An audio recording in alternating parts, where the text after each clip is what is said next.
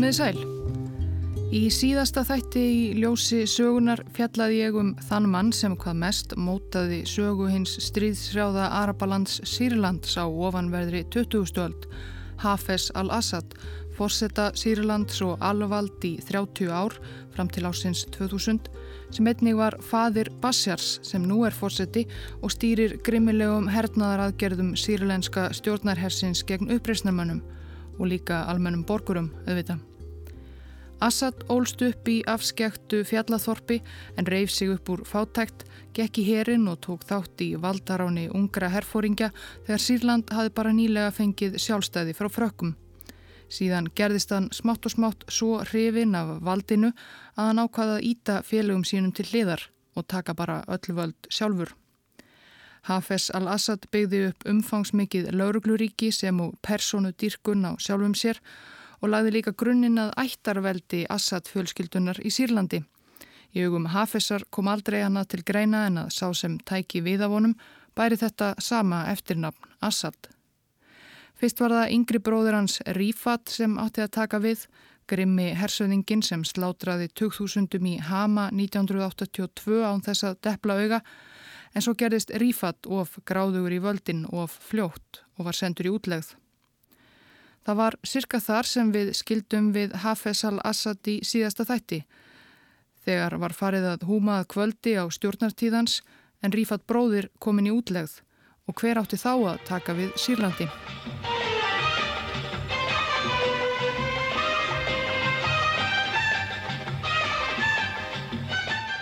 ...21. janúar 1994. Það var förstudagsmorgun Klukkan ekki nema rétt sjö og lítil sem engin umferð á hraðbrautinni sem tengir höfuborg Sýrlands, Damaskus, við alþjóðafljóðullin rómlega 30 km fyrir utan borgina.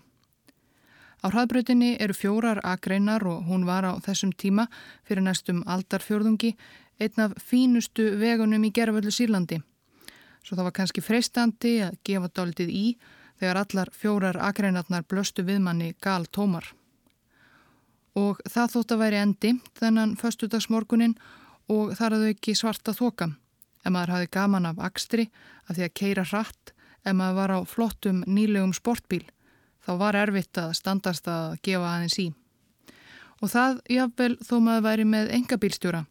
Þá gætt freystingin orðist líka maður skipaði jáfnvel bílstjóranum bara setjast aftur í og settist sjálfur við stýrið.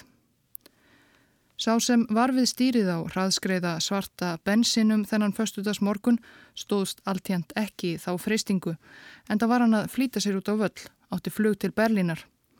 Sama þótt þokan væri þykku svört, hann hafi keirt þessa leið oft áður og hún var mestmægnis bara bein leið, fjórar agreinar beint af augum. Nema í blálókin eftir næri 30 km beina leið er komið að ringtorki í svarta þóku snemma á föstutasmortni á hraðskreiðum bens með fótinn á bensingjöfinni, þá getur þetta ringtork komið manni að ofurum. Það var allavega það sem virðist að var gerst þennan morgunin. Bensin ætti beint yfir ringtorkið og fór svo margar veldur. Enga bílstjórin sem satt í aftursætinu komst lífs af, en aukumæðurinn var ekki í örgisbelti, kastaðist framfyrir sig, rak höfuðið af krafti í framrúðuna og lést samstundis. Ökumæðurinn var 32 ára og hétt Basil al-Assad. Hann var elsti sonur Hafezar al-Assad, forsetta Sýrlands og hafi verið alin upp með það að markmiði að taka við forsetastólnum af föður sínum. En nú var hann sem sé látin.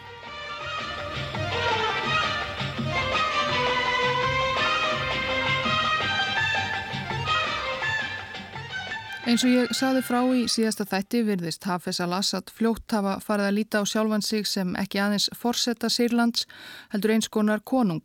Allavega að forsetta ennbættið ætti að tilheyra hans Assad fjölskyldu um alla framtíð. Og hann fór að búa svo um hnúta að annar Assad tæki alveg öruglega við eftir hans dag. Fyrst var það yngri bróðurinn Rifat en eftir vonbyrðin með hann fór Hafez al-Assad að beina sjónum sínum að elsta sinni sínum, Basil, og fór að ala hann upp sem næsta leðtoga Sýrlands. Basil, fættur 1962, var líka eins og skapaður til starfans. Hann var hávaksinn og myndarlegur, getur miklum personutöfrum, töffari sem let sjaldan sjá sig án stóra reipan sólgleirugna og varði ófáum stundum við stýrið á dýrum sportbílum. Á fyrstu árum tíunda áratögarins lagði Hafes gamli mikla vinnu í að búa Basil undir það að taka við af sér. Basil hlaut þjálfun í stjórnkænsku frá föður sínum og ráðgjöfum hans og kynntist innviðum sírlenska ríkisins náið sem og helstu konungum og fyrirmennum Arabaheimsins. Með hverjum deginum varð augljósara að Hafez hafi valið Basil sem arftakasinn og engin annar kom til greina. Basil al-Assad erði næsti fórseti Sýrlands og veldi Assad fjölskyldunar heldist óbreytt já, allt þar til 21. janúar 1994 þegar Basil lést í bílslýsi.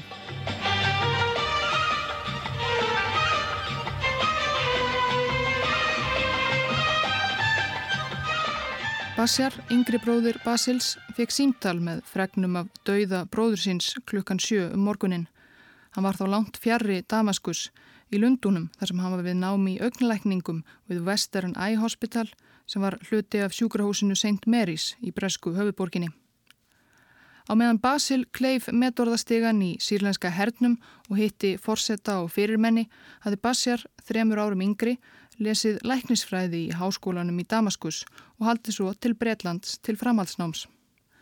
Hann átti eflaust ekki vona á því þarna að hann myndi nokkuð tíman koma til greina sem næsti fórseti Sýrlands Hann hafði af öllu að dæma engan sérstakann áhuga á því ennbætti heldur. En nú var hann orðin elsti bróðurinn og nú var hann að axla sína ábyrð.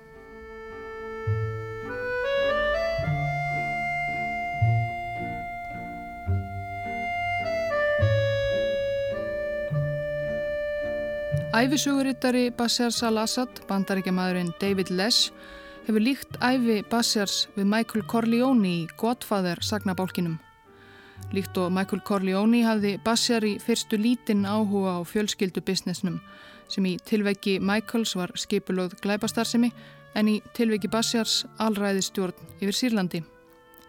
En dauði eldri bræðra, Sonnís Corleone annarsvegar og Basils al-Assad hinsvegar var svo til þess að þeir komist ekki hjá því á endanum að þurfa einmitt að axla ábyrð og hella sér út í fjölskyldubransan. Les hefur skrifað tvær bækur um Bashar al-Assad. Það er í þeirri fyrri, The New Lion of Damascus, sem kom út 2005, sem hann nefnir fyrst þessa samlíkingu. Hann bætir við að í Guðföðurnum reynist Michael Corleone á endanum vera alveg jafn harðsvíraður og miskunnulegs gangstir og fadir hans Vito, þó hann hafi verið tregur til að byrja með. Bashar al-Assad, skrifar Les svo, hafi sömu leiðis virst vera frekar ófús í fyrstu að taka að sér fórsetæðanbættið en það eigi eftir að ráðast hvernig hann reynist í ennbætti, hvort hann verði jafnóki föður síns eða jafnvel verri eins og Michael Corleone. Þessu veldi les fyrir sér árið 2005 sum sé og tíminn hefur sannarlega leitt í ljós að Bashar al-Assad er engin eftirbátur föður síns í yllvirkjum.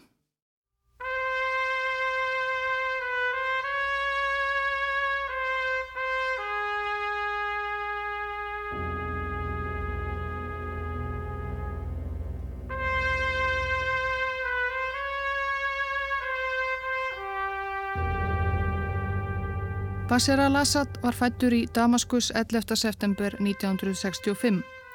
Fadir hans Hafez var um þær myndir í hópi ungra herfóringja og fylgismanna hins sósialíska Baath-flokks sem hefði tekið öllu völd í Sýrlandi tveimur árum áður. Þegar Bashar Litli var fimm ára bætti fadir hans svo um betur og losaði sig við félaga sína og tók öllu völd í eigin hendur. Sem sonur alvalds í Sýrlandi ólst Bashar upp við talsverðan munað allt annað en fadir hans sem hafi alist upp í sári fátækt í afskektu fjallathorpi í norð-vestanverðu Sýrlandi en lagt hartaði sér í námi, gengið í herin og þannig smátt og smátt komist til metorða. Bassjar og sískinni hans fjögur, Assad börnin, ólust hins vegar upp við allar helstu listisemdir sem Sýrland hafi upp á að bjóða. Bassjar, elsti sonurinn Basil og bræður þeirra Maher og Matst og sístirinn Bosra byggu ásamt fóröldrum sínum í villu í Damaskus. Föður sinn sá börnin þó sjaldan í uppvextinum enda starf einræðisherrans að öllum líkindum bæði krefjandi og tímafregt. Í staðin fyrir tíma með pappagamla fengu Bassjar og börnin allt annað sem hugurinn girtist frá blöytu bassbeini og fram á fullórinsár. Sagt er að í februar 1982 þegar Hafez og bróðir hans Rifat al-Assad voru uppteknir við að slátra almennum borgurum í Hama í vestanverðu Sýrlandi eins og sagt var frá í síðasta þætti, þá hafi Bashar al-Assad á 20. aldursári sjálfur verið uppteknari af því að þeisa um á sæþótu, jetski, sem hann hafi nýlega fengið að gjöf frá föður sínum. Sem barn og unglingur var Bashar hrifin af íþróttum, sérstaklega fótbolta og bortennis. Hann var lestrarhestur og hafði sérstakann áhuga á bókum um sagn og forlefafræði og hreifst einnig af nýjustu tækni og græjum sem hann hafði talsvert auðveldari aðgangað en flestir jafnaldrar hans í Sýrlandi. Í skóla var Bassjar frekar fálátur og vildi umfram allt láta koma fram við sig sem hvernannan nefenda. Hann var ekki með lífverði í skólanum, ég vil þó að það þekktist sannarlega meðal samnemanda hans pilta sem voru kannski bara sínir ráþæra eða herfóringja en ekki sjálfs fórsetans. Hann fekk heldur ekkert sérstaklega framúrskarandi engunir og hann var bara að lifa með því. Þetta var nokkuð önnur stemming en í grannríkinu Írak. Þar fóru sínir einræðisherrans Saddam Hussein, hinn er allræmdu Útei og Kúsæ, hverki án minst sex vöðvastæltra og illskeittra lífvarða, tættu upp skólalóðina á sportbílunum sínum og ef kennarar gáfu þeim ekki hæstu engun voru þeir pintaðir og reknir. Engunir Bassjars nægðu þó vel til þess að árið 1982, sama ár og hann fekk sæþótuna góðu, útskrifaðist hann úr mentaskóla og hófi kjölfarið námi læknisfræði við háskólan í Damaskus. Eftir útskrift þaðan var hann í fjögur ár læknir á herstuð áður hann hjælt svo til Lunduna í framhaldsnám 1992.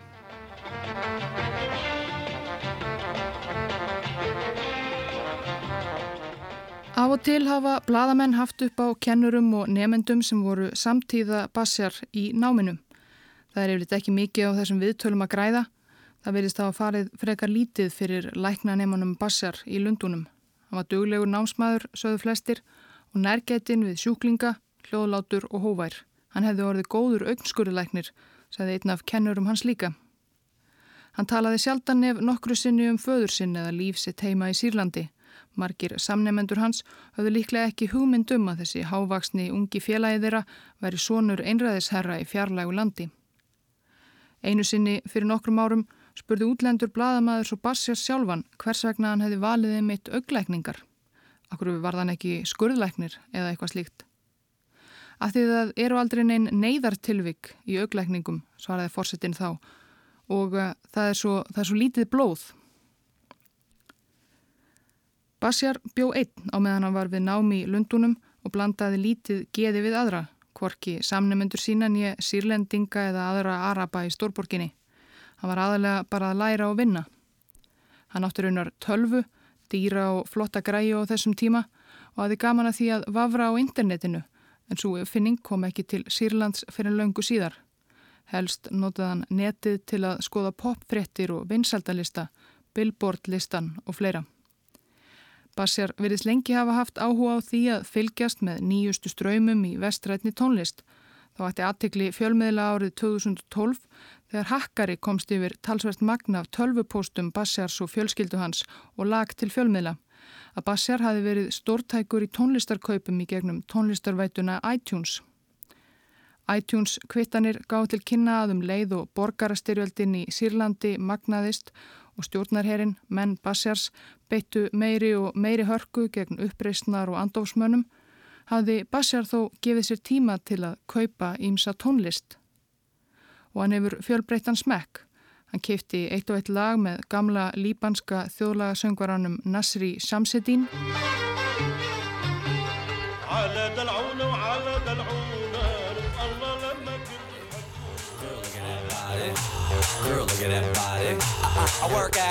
En líka poplög með LMFAO, Leonu Lewis og Chris Brown. Oh.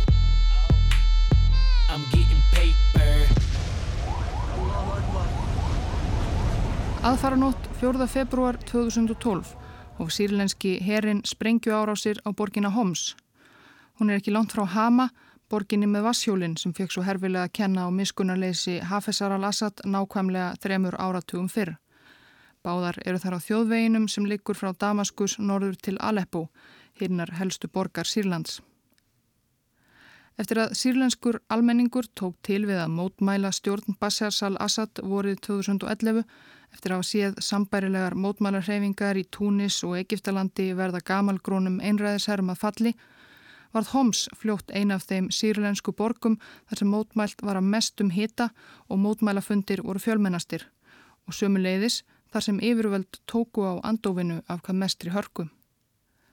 Þegar komið var fram í februar 2012 var mótmæla hreyfing orðin að vopnaðri uppreist og engum duldist heldur lengur að Bassjar ætlaði sér ekki að sleppa takinu á stjórnartaumunum hvað sem það kostaði og sveifst einskis til að berja niður andof gegn sér, rétt eins og fadir hans hafi gert. Stórsókn hersins gegn uppreistnamunum í Homs átti eftir að standa í mánuð og heimta líf um þúsund borgarbúa. Morgunin sem sprengjurnar byrjuð að falla á Homs var Bashar al-Assad þó eitthvað annars hugar.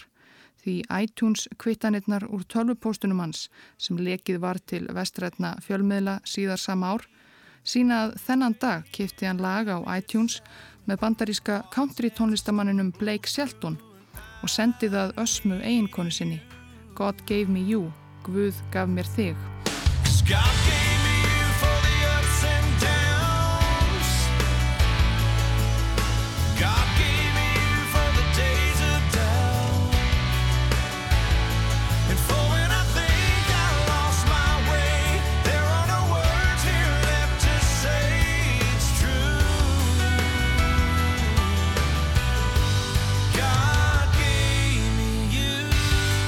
Guð gaf mér þig fyrir dagana sem ég evast og þeim finnst ég fara villur vegar, segir í tekstanum. Ætli Bassjar hafi evast eitthvað þennan daginn um ágæti þess að varpa sprengjum á eigin þegna, almenna borgara í Homs. En þá hefur hann alltjönd geta leitað hugunar og stuðnings hjá hann í ösmusinni, rétt eins og svo ofta áður og oft síðar. Bassjar kynntist ösmu í Lundunum. Það var reyndar eftir að hann hætti í námi við dauða eldri bróður síns og fór að einbeita sér að því að verða arftæki föður síns. Hann flutti heim til Sýrlands þar sem hann fekk sömu meðferð og Basil hafi fengið áður, var výðurinn í leindardóma sýrlenska stjórnkerfisins og hersins, hitti helstu ráþæra og fyrirmenni. Fátt bendir til þess að hann hafi verið sérstaklega áfjáður í það til að byrja með. Hefur líklega allra helst bara vilja klára augleikningarnámið og halda áfram að grúfa sig yfir tölvuna í frístundum. En svo fór hann líklega smátt og smátt að sætta sig við orðin hlut, að hann yrði fórseti Sýrlands á endanum og hefði lítið um það að segja. En hvað um það? Árin eftir að Basil lést í bílstísinu og Basjar varð ríkisarfi og varð að hætta í læknanáminu var hann samt enn með annan fótin í Breitlandi þar sem hann var þá farin að umgangast nokkuð samfélag velstæðira sírlendinga í Lundunum. Og það var þannig sem hann kynntist Ösmu. Hún var fættbæði og uppalinn í Breitlandi. Fadir hennar var hjartalæknir og áhrifamaður í litlu samfélagi sírlendinga í Breitlandi og móðir hennar starfsmæður sírlenska sendiráðsins í Lundunum. Báðir foreldrar hennar ættaðir frá Homs Borginni sem eigin maðurinn átti síðar eftir að varpa sprengjum á um leið og hann sendi konu sinni country ástaróð í tölvupósti.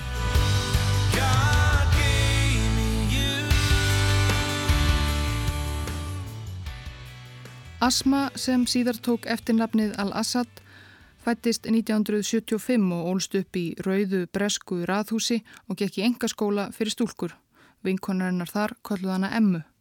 Hún útskrifaðist 1996 úr King's College í Londonum með gráðu í tölvunarfræði og frönskum bókmyndum og fór svo að vinna í fjárfestingabanka í fjármálakverfinu City. Svo hitti hún Bassjar. Þau hafðu kannski rekist ákvort annað áður en það var árið 2000 sem þau feldu hugið saman.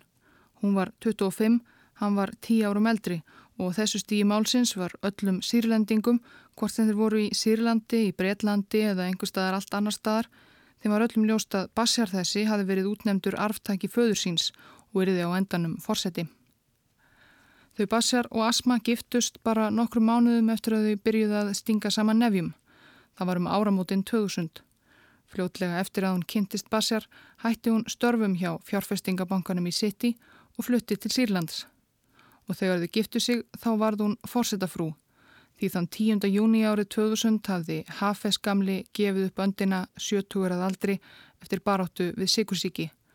Þegnar hans syrðu hann ákaft en það hafði hann verið allráður í 30 ár.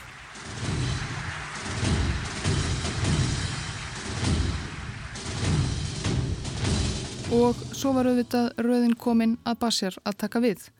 Strax dægin eftir 11. júni var hann útnemtur fórseti Sýrlands. أقسم بالله العظيم أن أحترم دستور البلاد وقوانينها ونظامها الجمهوري Það var arabíska vorið svo kallaða sem að endanum varða þeim hryllilega fimpulvetri sem nú hefur umlaukið Sýrland í sex ár og sér ekki fyrir endan á. En nokkru áður en arabíska vorið kom bárust aðrir vorvendar til Sýrlands. Það var kallað Damaskus vorið og voru einmitt mánuðurnir eftir að Bashar al-Assad tók við þeim bætti forseta Sýrlands. Flokksráð baðflokksins samþykti útnefningu hans til forsetta snarlega eftir dauða föður síns, ekki það að nokkur annar hafi komið til greina. Sýrlenska þingið breyti líka snarlega stjórnarskrá landsins. Það er greininni þar sem stóð að fórseti Sýrlands erði að vera minnstakosti færtugur. Það aldurstak mark var lækkað niður í 34 ár en það var einmitt aldur Bashars al-Assad.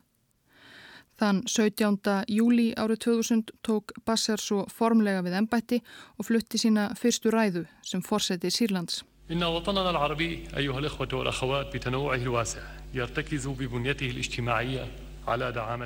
Hann var ekki sami hrífandi kröftugi ræðumadurinn og Hafez pappi. Hann var daldið álkulegur í útliti, hávaksinn með langan háls, alls ekki eins myndalegur og töffaralegur og basilsálu í bróðir hans með solglerugun og hann var kraft lítill í pontu og smámæltur, nokkuð sem andstæðingar Bassjars hafa notað til að gera stólpa grínaðunum í gegnum tíðina.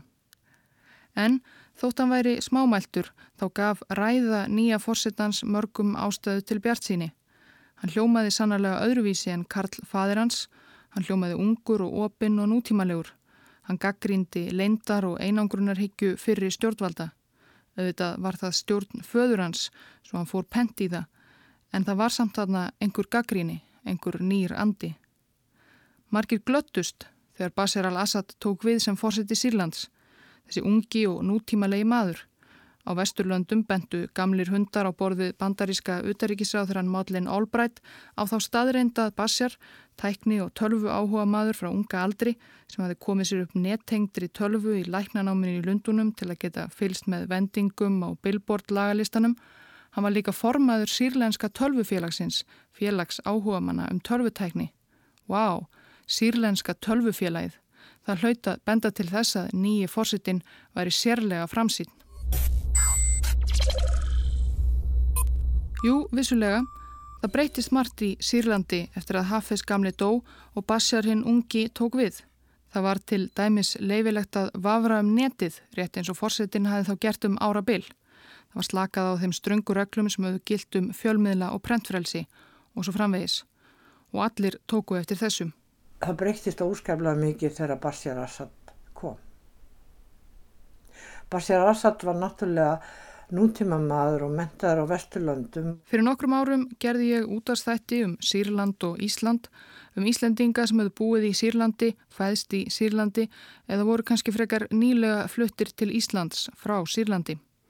Meðal viðmælanda minna var Jóhanna Kristjónsdóttir. Hún er amma mín en líka eina fáum Íslandingum sem bjói í lengri tíma í Sýrlandi. Fyrst á valdatíð Hafesar gamla og svo síðar þegar Bassjar hinn ungi og nútímalegi var tekin við.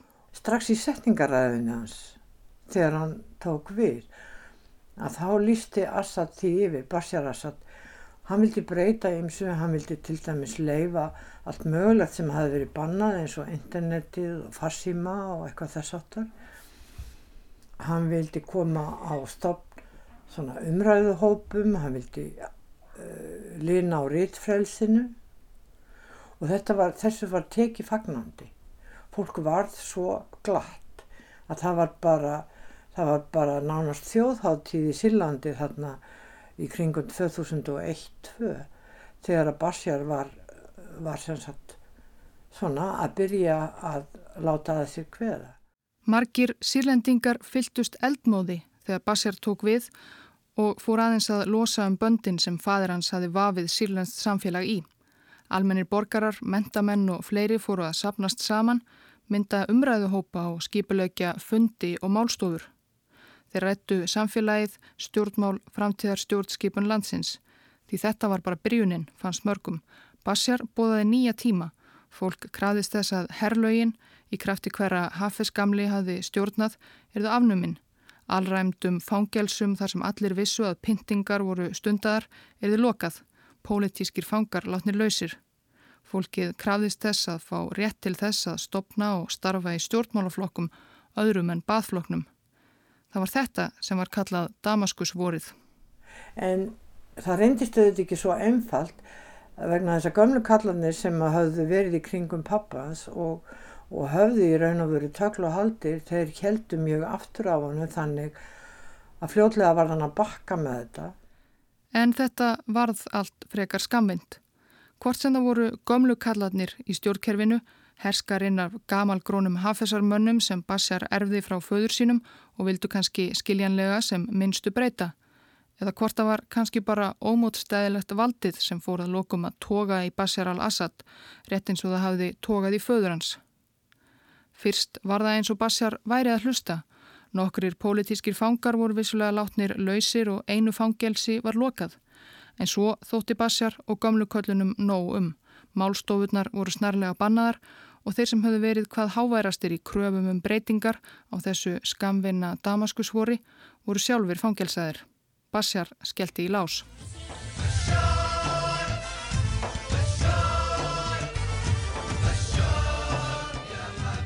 Í lokárs 2010 fór bladamæður bandarískrar útgáfu tímaritsins Vogue, Joan Juliet Buck, sem eitt sinn rittstýðir raunar franska Vogue en er bandarísk, hún fór til Sýrlands og tók þar viðtal við Ösmu al-Assad fyrir stóra og glæsilega grein bara um hana. Bladamæðurinn fylgdi henni eftir í nokkra daga í daglegu lífi og störfum sem fórsetta frú Sýrlands. Asma al-Assad er ung, smart og glæsileg, svo allra ferskasta og mest töfrandi af fórsetafrúm. Hennar stíl er ekki hátísku gull og glis valdsens í mið-austurlöndum, heldur er hún meðvitað laus við allt prjál. Hún er sjálfsið blanda af grannvaksinni og leggjalangri fegurðadís með eiturskarpan huga. París Mats kallar hana ljós týru í landi sem er fullt af skuggum. Hún er forsetafrú Sýrlands. Svona heldur greinin áfram og áfram í fáránlegu lofi og prísi um bæði ösmu sem er svo glæsileg, greint og almennt frábær og eigin mann hennar, hann Basser, myndarlega og framsækna einræðisherran sem hefur gert Sýrland svo velmegandi, nútímalegt og örugt. Það fyrsta sem maður tekur eftir við Ösmu al-Assad er hvernig hún hreyfir sig. Hún er ákveðin og lætur á sér bera hvar sem hún kemur með því að láta skína í rauða skósólana. Dökkbrún augu liðað brúnt hár sem nær henni í höku, langur háls, drífandi, röggsamur þokki. Ekkert arbandsúr, engir skartgripir nema Chanel mennið um hálsin á henni, ekki einu sinni giftingarhingur, en neglurnar eru lakkaðar dökk græn bláar. Hún er lífleg, fláráð og fyndin. Hún er með ennskan hreim en ekki tilgerðarlegan og þrátt fyrir að vera öruglega með heiminn háa greindarvísitölu þá talar hún óformlega. Ég var bara alveg.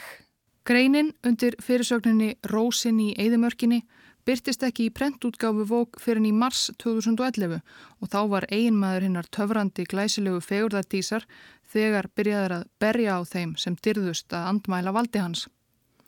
Jáfnvel þó hún hefði verið prentuð fyrr á árinu 2010 eða bara einhver tíman fyrir arabíska vorið, þá var öllum þeim sem kerðu sig um að vita ljóst hvað var í raun og veru að gerast í Sýrlandi, landi sem kannski rataði ekki svo oft í frettir og var rólegt og stabílt á mæli hvarða margra arabaríkja.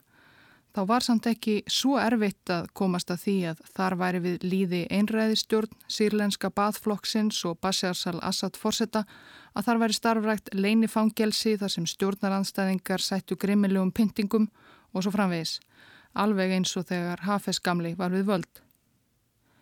En allavega í mars 2011, þegar greinin Rósin í Eidimörkinni byrtist á prenti, Það var flestum orði ljóst að kannski væri Bashar al-Assad ekki alveg frábærasti fórseti fyrir og síðar og kannski væri þessi glæsilega hávaksna kona hans ekki mikið skári.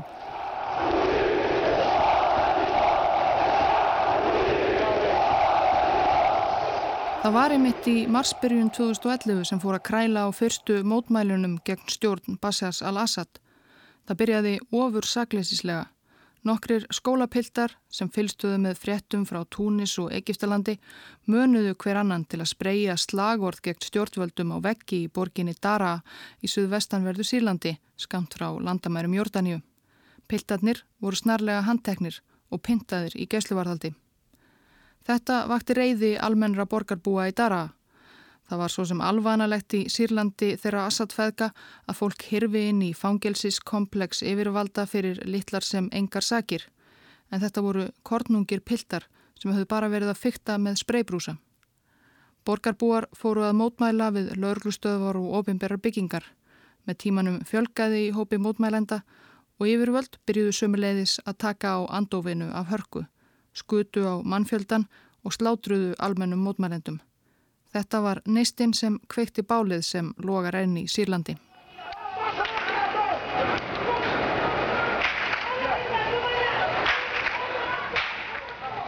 Í ljósi alls þessa varð greinin Asma al-Assad rósin í Eidimörkinni hið vandraðarlegasta mál fyrir vók. Washington Post kallaði greinina einhverju óheppilegustu tímaritsgrein sem sérst hefði áratugum saman. Á endanum var hún fjarlægð af vefsíðu vók svo nú er ekki hægt að finna hana nema með krókaleiðum. Í ljós kom svo einnig að almannatengsla fyrirtæki og mála hjá sírlenskum stjórnvöldum hafi borgað vók talsverða fjárhæð til að koma til Sýrlands og fjalla um fórsetafrúna fögru. Ekki alveg hendugustu uppljóstarænnirnar fyrir tímaritið þegar Bassar al-Assad var óðum að skapa sér það orða á vesturlöndum að vera miskunarlaus einræðisherra og slátrari. Þetta var vandræðalegt fyrir alla sem komuðu málinu en breytti þó ekki mörgu. Fimm árum síðar starfar bandaríska Vók enn og Asma al-Assad er enn fórsetta frú Sýrlands og stendur enn í staðfastlega við bakið á manni sínum honum Basjar sem sömu leiðist verist engunæri því að gefa upp fórsetastólinn sem fadir hans afleiti hann að. Joan Juliet Buck, bladamanni bandaríska Vók til Varnar þá sagði hún síðar Þegar bandarískur fjölmiðla heimur hafi smjattað rækilega og fáránleiri grein hennar um Ösmu al-Assad að hún hefði í raun ekki viljað skrifa þessa grein og allra síst á þennan fáránlega lofsverða máta en verið neitt til þess að verið stjótt blaðsins, kannski út af peningunum sem komu frá almannatengsla fyrirtækinu. Hver veit? Allavega getur við verið fullvisum að þrátt fyrir að borgarastyrjöldin í Sýrlandi hafi frá því að mótmælinn hófust í Dara í mars 2011 og fram til dagsins í dag magnast upp í nær óhugsandi hrylling og hildarleik þá verðist líf hennar glæsilegu grannvöksnu Ösmu al-Assad ekki hafa orðið mikið verra og ekki heldur einmanns hennar eða barna þeirra þryggja þeirra Karims, Seins og Hafesar yngri. Fyrir skömmu hafi bladamæður kanadíska stórblaðsins The Globe and Mail upp á nokkrum af skólapiltunum sem spreyjuðu slagvorðin gegn Assad og sírlenskum stjórnvöldum á veggi í Dara í mars 2011 og komu þannig af stað borgarstyrildinni. Af 22 drengjum sem lendu í gesluvarðhaldi hafi rúmur helmingur síðan flúið Sýrland. Sá sem fyrstur tók upp spreybrúsan bjóð sem flótamaður í Vínaborg. Að minnstakosti þrýr drengjana voru látnir. Alls er talið að næri hálf miljón manna hafi látið lífið í styrjöldin í Sýrlandi á tæpum sex árum. Kanski á ykkurt barna þeirra Bassars og Ösmu, hann Karim, Hussein eða Hafez Yngri, kannski eiga þau eftir að fylgja í fótspór föðusins og taka við stjórn Sýrlands þegar þau komast á fullorðinsár. En spurningin er þá kannski frekar hvort að þá verði yfirleitt eitthvað eftir af Sýrlandi.